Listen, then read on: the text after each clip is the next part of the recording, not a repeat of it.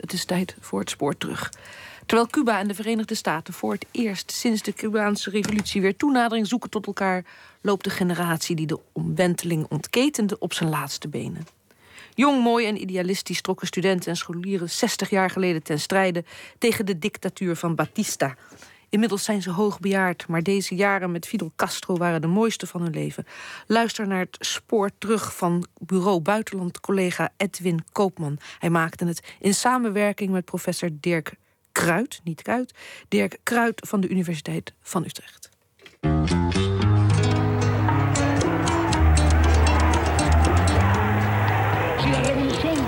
Tuviera el pueblo, estaría perdida. El pueblo es lo que importa y el pueblo lo quiere, la revolución. Yo muchas veces me he puesto a preguntar, ¿y qué hubiera sido de mí? Ik heb me vaak afgevraagd, wat zou er van me geworden zijn zonder deze revolutie? Het zou een verloren leven zijn geweest, een ongebruikt leven, zonder enige importantie. De echte jaren van hun leven zijn de jaren van de insurgency, van de, van de, van de opstand tegen Batista geweest. We vochten niet om er miljonair van te worden. Wij vochten op dat er gelijkheid zou zijn.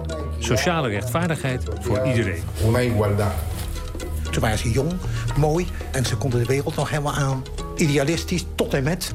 Men vocht tegen een dictatuur en uh, met hart en ziel en daar is mijn apen trots op. Iedereen heeft een, uh, twee of drie kleine kastjes vol met medailles. En uh, men is oud-strijder, wat in uh, Cuba een soort culturele aristocratie is. En het gaat om enkele duizend mensen.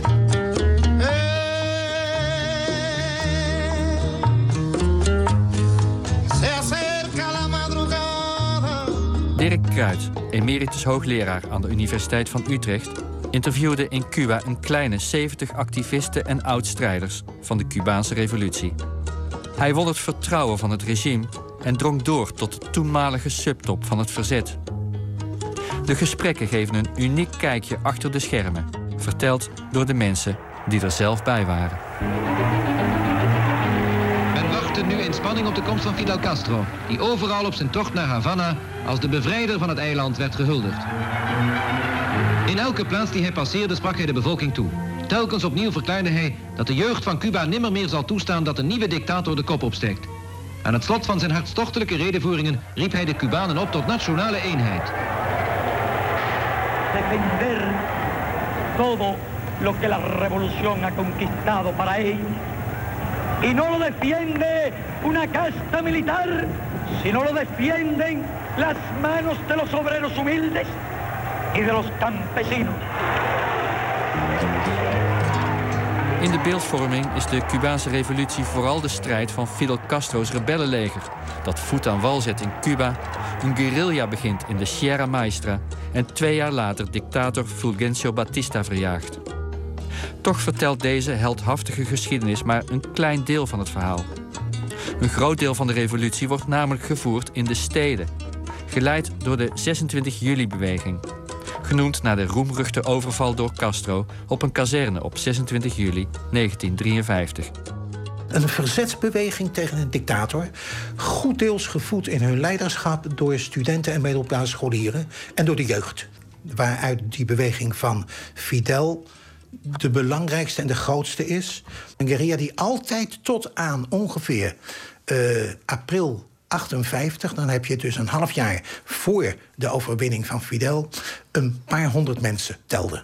En de rest van de verzetbeweging zat in de stad, die studentenverzetbeweging. En daar werd het gedaan door jongens en meiden uh, van 16, 17, 18, 19 jaar... die propaganda uh, hadden, die uh, sabotage pleegden.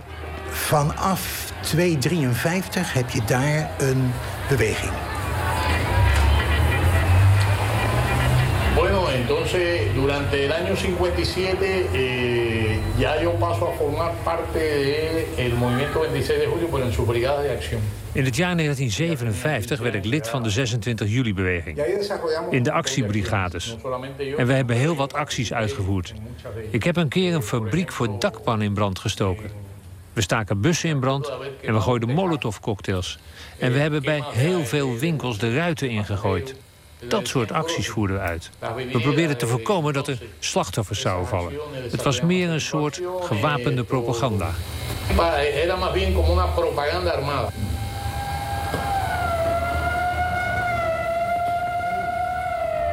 De 73-jarige Tony Lopez, wiens vader een buste van Stalin op de kast heeft staan, is een 14-jarige scholier als hij mee gaat doen aan protestacties in de Centraal-Cubaanse stad Camagüey. Nog jonger is de nu 72-jarige Elba Alvarez, dochter van een zwarte, alleenstaande moeder en afkomstig uit een van de armste wijken van de hoofdstad Havana. Als 13-jarige ziet zij hoe de politie medescholieren in elkaar ramt. Vol overgave stort ze zich in het verzet tegen de dictatuur. En cualquier ciudad, incluida La Habana, había muchos cuerpos represivos. Estaban sobre los clandestinos, sobre los jóvenes. In iedere stad, Havana inbegrepen, zaten de ordendiensten achter de clandestine bewegingen en de jongeren aan. Alleen al door jongeren te zijn was je verdacht, ook al deed je niks. De dag dat ik zelf gearresteerd werd, was er een jongen, ik weet niet wat er van hem geworden is, maar voor onze neus werd hij in elkaar geslagen. Dat was vreselijk. Gewoon een jongen die langsliep. We kenden hem niet eens. De repressie was bikkelhard. Pero la represión era muy dura, muy fuerte.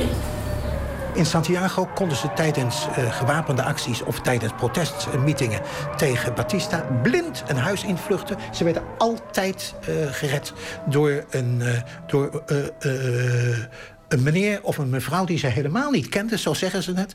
Uh, en die zei, hier jongen, kom binnen. Hier, hier meisje, hup vooruit, is gevaarlijk voor je. Uh, en in een aantal gevallen, in, in Havana... waar overigens het repressieapparaat van Batista veel erger was... met de anticommunistische politie, staatsveiligheidsdiensten... martelpolitie, paramilitairen... Uh, dikwijls ook uh, vertellen de, degene uit Havana... dat ze door een, uh, een, een, een, bijna onbekende... tijdens een, ma een, manifestatie, als ze een pak slaag hadden gekregen van de politie... een huis werden ingetrokken en zei, kom maar even tot rust. La población cubana apoyaba decididamente. Había, había una... Yo diría que había una complicidad de Cubaanse bevolking hielp ons met volle overtuiging. Ze waren heel erg betrokken. Op een avond rond 8 uur gingen we met een paar vrienden een bus in brand steken. Toen we de molotovs hadden gegooid, verspreidden we ons. We renden alle kanten op. Maar vlakbij was een politiepatrouille in een jeep. Ik rende door de straten van Camagüey. En toen ik dat zag, ben ik gestopt en heb gewoon ergens aangebeld. Een vrouw deed open, zag mij daar opgewonden staan en zei... Kom binnen, jongen, kom binnen. En ze liet me erin. Ik denk dat overal waar ik zou aanbellen toen... het antwoord hetzelfde zou zijn geweest. Hubiera podido tocar otra puerta, hubiera, pero yo creo que la respuesta hubiera sido la misma.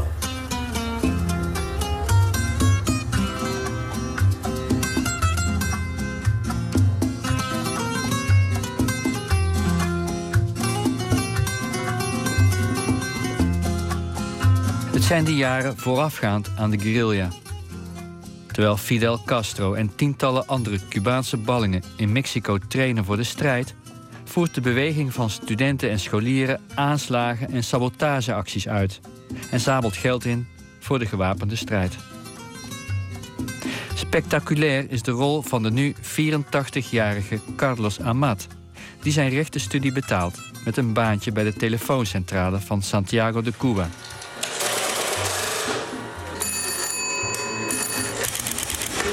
Yo tengo la, la ventaja de que yo en mi trabajo tenía un acceso a, a las comunicaciones telefónicas. Ik had het voordeel dat ik door mijn werk toegang had tot de telefonische communicatie, waardoor ik geweldige dingen te weten kwam. Op het moment waarop de beweging vorm begon te krijgen, begonnen ook de voorbereidingen van de aankomst van Fidel en zo. En we speelden daar een hele belangrijke rol bij. Want wij konden meeluisteren met alle instructies die vanuit Havana naar het leger in Santiago kwamen. Dus ik vertelde alles door.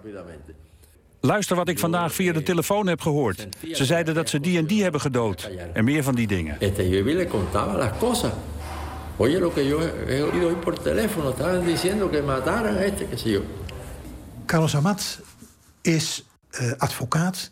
Uh, gedurende de campagne van uh, Fidel is hij telegrafist geworden. En dat was een vitale uh, functie in het verzet. En uh, die gaven elkaar, terwijl er notabene uh, bewaking door militairen en politie achter ze stond, signalen door. Dus zij luisterden af de, de, telefoongesprekken van de militairen en konden dus de militairen de operaties doorgeven aan vertrouwenspersonen in de stad die dat weer doorgaven aan de guerrilla. Entonces, nosotros ideamos una frase que se me ocurrió un día a mí decirse. Te Dora. We gebruikten een zin die ik op een dag had verzonnen. Als ik zei, mijn tante Dora is doodziek, dan betekende dat, hou je gedijst. Dat was een code voor de telefoniste Rosita die beneden zat. Als zij wilde weten of onze bewakers boven zaten op te letten... dan riep ze, hoe is het met je tante Dora? En dan riep ik, ze heeft vannacht prima geslapen. Ze hebben een medicijn gegeven, het gaat fantastisch met haar. En dan wist zij dat ze snel de gesprekken van onze mensen kon doorverbinden... want bijna alle telefonistes in Santiago werkten voor de 26 juli-beweging. Casi todas las operadoras de Santiago de Cuba se convirtieron en operadoras del movimiento 26 de julio.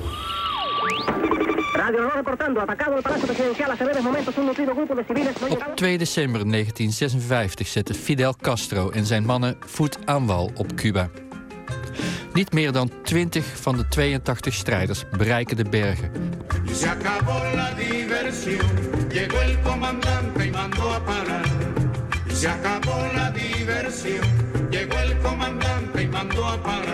In het jaar dat volgt sluiten boeren zich aan bij de strijd. En ook activisten uit het laagland, die te vaak zijn opgepakt. Te bekend zijn geworden bij de politie en een gevaar zijn geworden voor de beweging en zichzelf.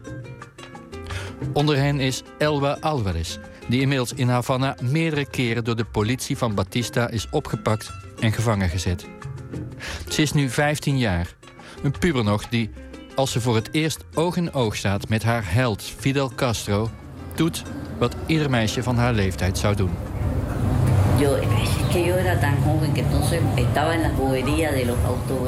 Ik was nog zo jong. Ik zat nog in die idiote periode van de handtekeningen. Dus op een dag zeg ik tegen hem: Mag ik jouw handtekening? Hij zei: Waar heb je die voor nodig? Voor als de revolutie overwint. Hij zei: Oké, kom maar hier. Hij heeft zijn handtekening gezet met een datum erbij en later heb ik die weer weggegooid.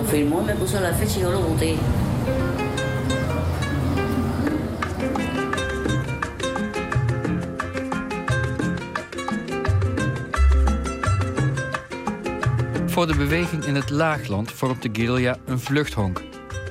Vergeleken bij de chaotische acties in de stad, waar de jongeren voortdurend in de gaten worden gehouden en overal politie kan zijn, zijn de bergen relatief veilig.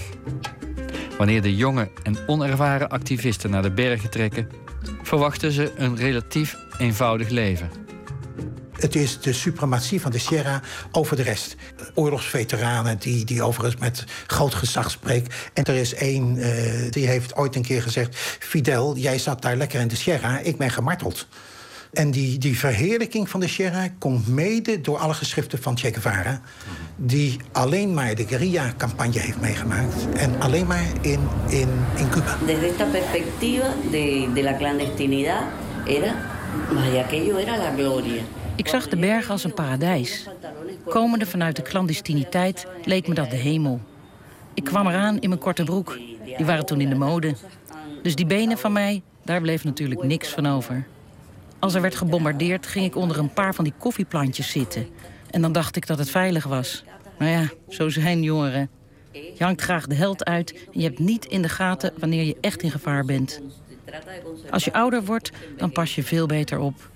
Maar in die fase waan je je onsterfelijk. Je bent onaantastbaar. Je gaat maar door. Jou zal niks gebeuren. Intocable. Vas todo adelante. A ti no te va a pasar nunca nada. No, es un problema inconsciente, pero pasa. Desde las montañas de Oriente, territorio libre de Cuba. El doctor Fidel Castro al micrófono. Vanuit de steden en dorpen in het laagland worden de rebellen geïnformeerd over aankomende acties van het leger. Op hun beurt zenden de rebellen vanaf februari 1958 revolutionaire propaganda uit via Radio Rebelle, hun illegale zender vanuit bevrijd territorium. De contacten tussen de studentenbeweging en de guerrilla zijn goed. Maar er zijn ook fricties. In de eerste anderhalf jaar van de gewapende strijd is de positie van Fidel Castro verre van onomstreden.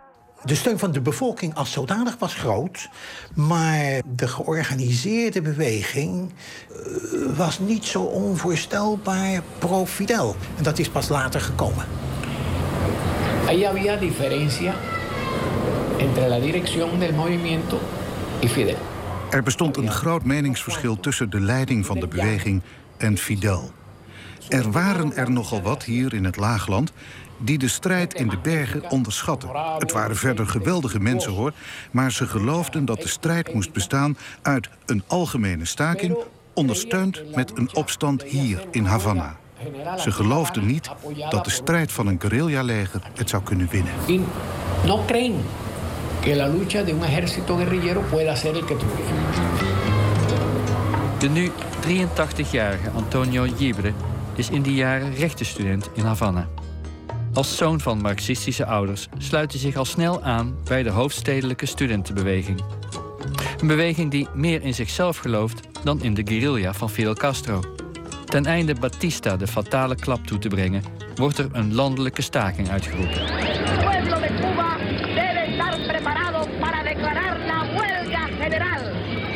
Het is 9 april 1958.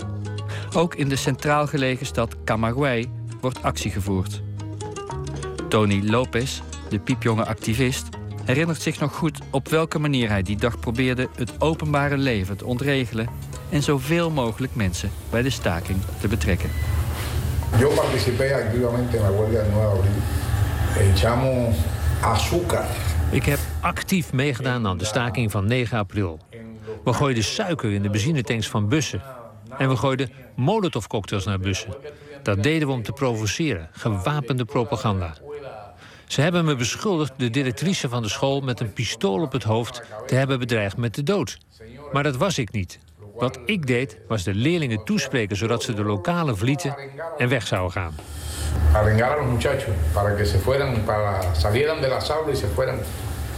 Die dag zal de geschiedenisboeken ingaan als de grootste tegenslag in de revolutionaire strijd tegen de dictatuur.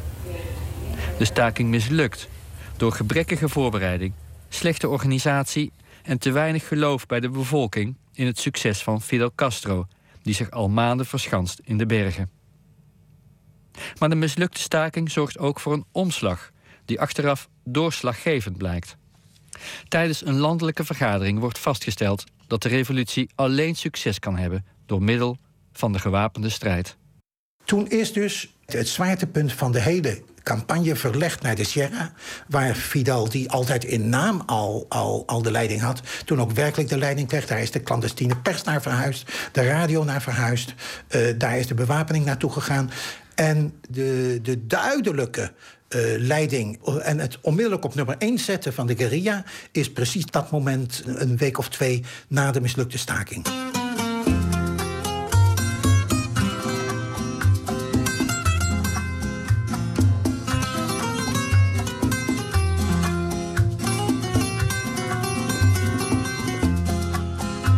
Vanaf dit moment komt de revolutie in een nieuwe fase terecht. Studenten uit de steden sluiten zich in grote aantallen aan bij het rebellenleger, dat tot nu toe maar een paar honderd man telde. Rechtenstudent Antonio Gibre is één van hen. Vanuit Havana reist hij naar het oosten en komt bij de guerrilla voor het eerst Che Guevara tegen. Bueno, yo me acuerdo que le dije, tú eres el Che, porque oía hablar de... Tú eres el Che, yo sí, yo soy el Che. Ik weet nog dat ik zei, dus jij bent Che, want ik had over hem gehoord. Ja, ik ben Che. Hij praatte zo, op zijn Argentijns. En hij nam me mee naar Fidel en die zegt... heb je er bezwaar tegen om met Che samen te werken? Dus ik zeg, verdomme Fidel, je moet me niks vragen. Je moet me dingen opdragen. Hij vroeg het me, alsof het een gunst was. Me lo viene a pedir como si fuera un favor que me estaba haciendo. Jibre wordt juridisch adviseur van Che Guevara en later adjudant van Fidel Castro. Wat hem opvalt zijn de zware sancties op wangedrag jegens de boeren of hun dochters. Juist om het verschil te maken met de mannen van Batista, die rovend en verkrachtend door de dorpen trekken. Fidel a todo jefecito de tropa le daba dinero para comprar eh, víveres para la tropa. Pero siempre le daba instrucciones. Fidel gaf de leiders van zijn troepen geld om voedsel te kopen. Maar hij gaf er altijd instructies bij. Ga niet in discussie met de boeren.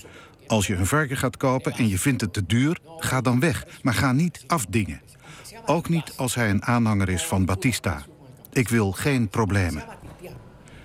Fidel was heel politiek, want dit is een volksoorlog. Oppassen met de bevolking en vooral oppassen met de meisjes. Zonder flauwekul. Je kon je geen problemen veroorloven. Cuidado con las muchachas campesinas. Eso sí es serio. O sea, no se podía tener problemas. De kern van de leiding in, uh, in de Sierra, dat is dus dat zijn een stuk, dat is een handjevol commandanten, een stuk of tien. Uh, begonnen met experimenten die je eigenlijk een soort proto-socialisme kan noemen. Uh, een landhervorming, het opzetten van een gratis ziekteverzorging, het opzetten van alfabetiseringscampagnes en gratis scholing, het opzetten van kleine fabriekjes waarin iedereen werd te werk gesteld en die iedereen in ieder geval een nuttige taak gaf. Uh, die is die toen in, in een uh, snel tempo gaan uitvoeren. With the Cuban army hard pressed to hold the big towns of Oriente province, the fighting currently going on is mostly on rebel initiative. And of course, there is the inevitable price to be paid in blood and tears.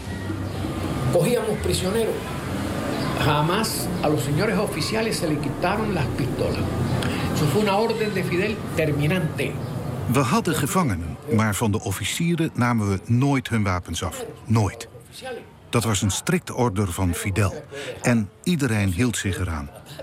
Bovendien mocht je de gevangenen niet mishandelen of vernederen. Je moest ze goed behandelen. Ook niet opsluiten. Daarvan draaiden ze bij. Bovendien, ze gebruikten die wapens nooit, want ze liepen vrij rond. We zeiden jij tegen elkaar. Ze voelden zich al halve vrienden van ons, de officieren. We zeiden, pak je eten zelf maar. We gaan je echt niet bedienen. Heel vertrouwd. Daarom wilden veel van hen bij ons blijven. De ellos se quiso quedar allí. A las 12 y 30 se rinden los soldados de la dictadura que tienen posiciones especiales en el país. De verklaringen van Jebre staan haaks op de bestaande kennis over die periode. Om de controle over het berggebied te garanderen, worden tegenstanders van de revolutie en aanhangers van Batista ook gefusilleerd. Feit is dat een paar honderd man grote successen boeken tegenover het 37.000 soldaten tellende leger van Batista. Tegen eind augustus lukt het de rebellen uit de bergen te komen en delen van de oostelijke provincie te veroveren. Volgens de oud-strijders is dit vooral te danken aan het winnen van de sympathie van de bevolking. Que es precisamente por la moral que el ejército rebelde. Ik geloof dat het precies de moraal is geweest die het rebellenleger groot heeft gemaakt. Dat stond lijnrecht tegenover de moorden, de repressie, de diefstal van het leger van Batista. Dat leger was totaal gedemoraliseerd. Dat kon onmogelijk winnen. Je kunt niet winnen zonder het vertrouwen van de mensen. Integendeel. De anderen winnen, hoe klein ze ook zijn, omdat ze het vertrouwen van de boeren hebben. Ik denk dat dat een beslissende factor is geweest. Die mensen kennen hun terrein uiterst goed. Het leger was gedemoraliseerd. En toen heeft Batista geprobeerd met een overmacht... Uh, ja, een groep van maximum duizend guerrilleros, waarvan er 700 man en 300 vrouw waren, ongeveer geschat, te, uh, de nek om te draaien. En dat is hem mislukt. En toen is Batista gevlucht. En toen was het in twee, drie dagen bekeken. Aquí Radio Rebelde, desde las puertas de Santiago de Cuba. Se acaba de anunciar desde el campamento de Colombia que el tirano Batista ha huido. Nieuwjaarsdag nam Batista, na een snelle actie van de rebellenleider Fidel Castro, met zijn gezin de wijk naar de Dominicaanse Republiek. waar zich ook reeds de verdreven Zuid-Amerikaanse dictators Perón en Jiménez als ballingen ophouden. Na het vertrek van Batista ontstonden ernstige onlusten waarbij vele slachtoffers vielen. Het is 1 januari 1959. De dictator is weg, maar de chaos is groot. Vanuit het oosten snellen Fidel Castro en zijn rebellen naar de hoofdstad, waar zij door een menigte worden onthaald.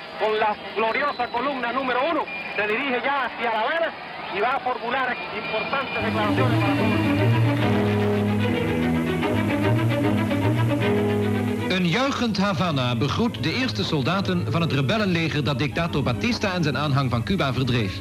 Het zijn de Barbados, de Baardmannen, die een felle guerrilla-strijd voerden tegen Batista onder leiding van de thans 32-jarige Fidel Castro.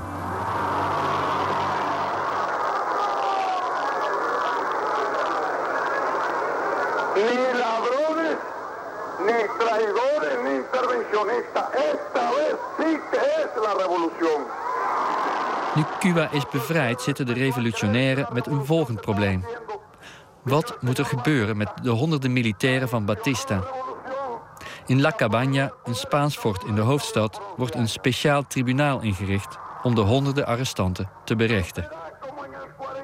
Carlos Amat, de man die ooit de telefooncentrale afluisterde, wordt benoemd als rechter bij het Hof en aanklager bij het tribunaal.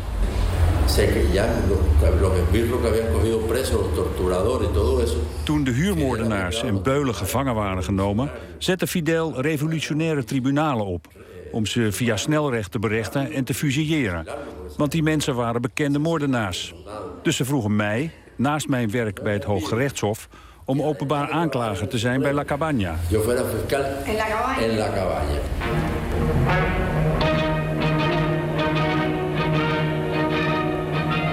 In Havana belegde de Cubaanse rebellenleider Fidel Castro een persconferentie waarop hij aan buitenlandse journalisten een toelichting gaf op de executies van aanhangers van Batista. Volgens Castro zouden nog 400 mensen terechtgesteld worden die in de La Cabana gevangenis van Havana in grote spanning de behandeling van hun zaak tegemoet zien. Het merendeel van hen wordt beschuldigd van veelvoudige moord en martelingen. Ook de jonge Antonio Jebre krijgt een baan bij het tribunaal en kijkt er tevreden op terug. Acceso al juicio, juicio secreto. No, juicios públicos. Acceso al juicio. Ze werden allemaal berecht. Niet in het geheim, maar in het openbaar. Iedereen kon erbij zijn. De pers, de familie, iedereen. De burgerlijke pers vooraan. En altijd melden die dat het valse rechtspraak was. Maar alles was volgens de regels. Er werd niks vervalst. Ik herinner me dokter Oscar Alvarado. Ze hadden zijn zoon neergeschoten. Hij spoorde de daders op en kwam ze aangeven in La Cabaña. Hier heb ik ze, neem ze maar. Ik heb ze verdomme niet vermoord omdat Fidel het niet wil... maar dit zijn de moordenaars van mijn zoon. Zo waren er meer. Niemand nam het recht in eigen hand.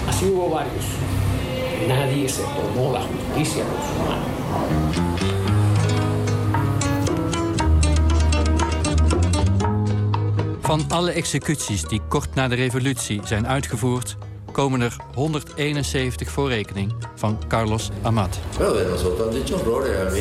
Ze hebben van ons verschrikkelijke dingen gezegd. Op internet is een pagina waar ik moordenaar word genoemd. Ik weet niet wat ze allemaal zeggen. Maar wat doe ik eraan? Toch hebben Amat, nog de andere voormalige strijders in de gesprekken met professor Dirk Kruid weinig ruimte voor spijt of zelfkritiek. Al is er heel ver weg toch ontevredenheid met wat er met hun revolutie is gebeurd. Als je eh, met een aantal na de gesprekken, die moeten dan wat anders doen, moeten naar de binnenstad en dan, dan, dan, nou, dan ga ik ook. Dus we zitten dan in de bus of we lopen of we lopen langs de Malecon. eh, met een groot gebruis van de zee, waarin je ook niet makkelijk een gesprek zou kunnen opnemen. Eh, en ja, dan komt er natuurlijk wel kritiek los. Ja. Maar het is ons Cuba, dat is definitief. Ik ga er niet van weg. Ik heb het opgebouwd. Het is mijn land, mijn revolutie. Maar godsamme, ja, ja, ja, ja. Ja, waar moeten we heen? Cuba hermosa, primorosa, porque sufres hoy tanto.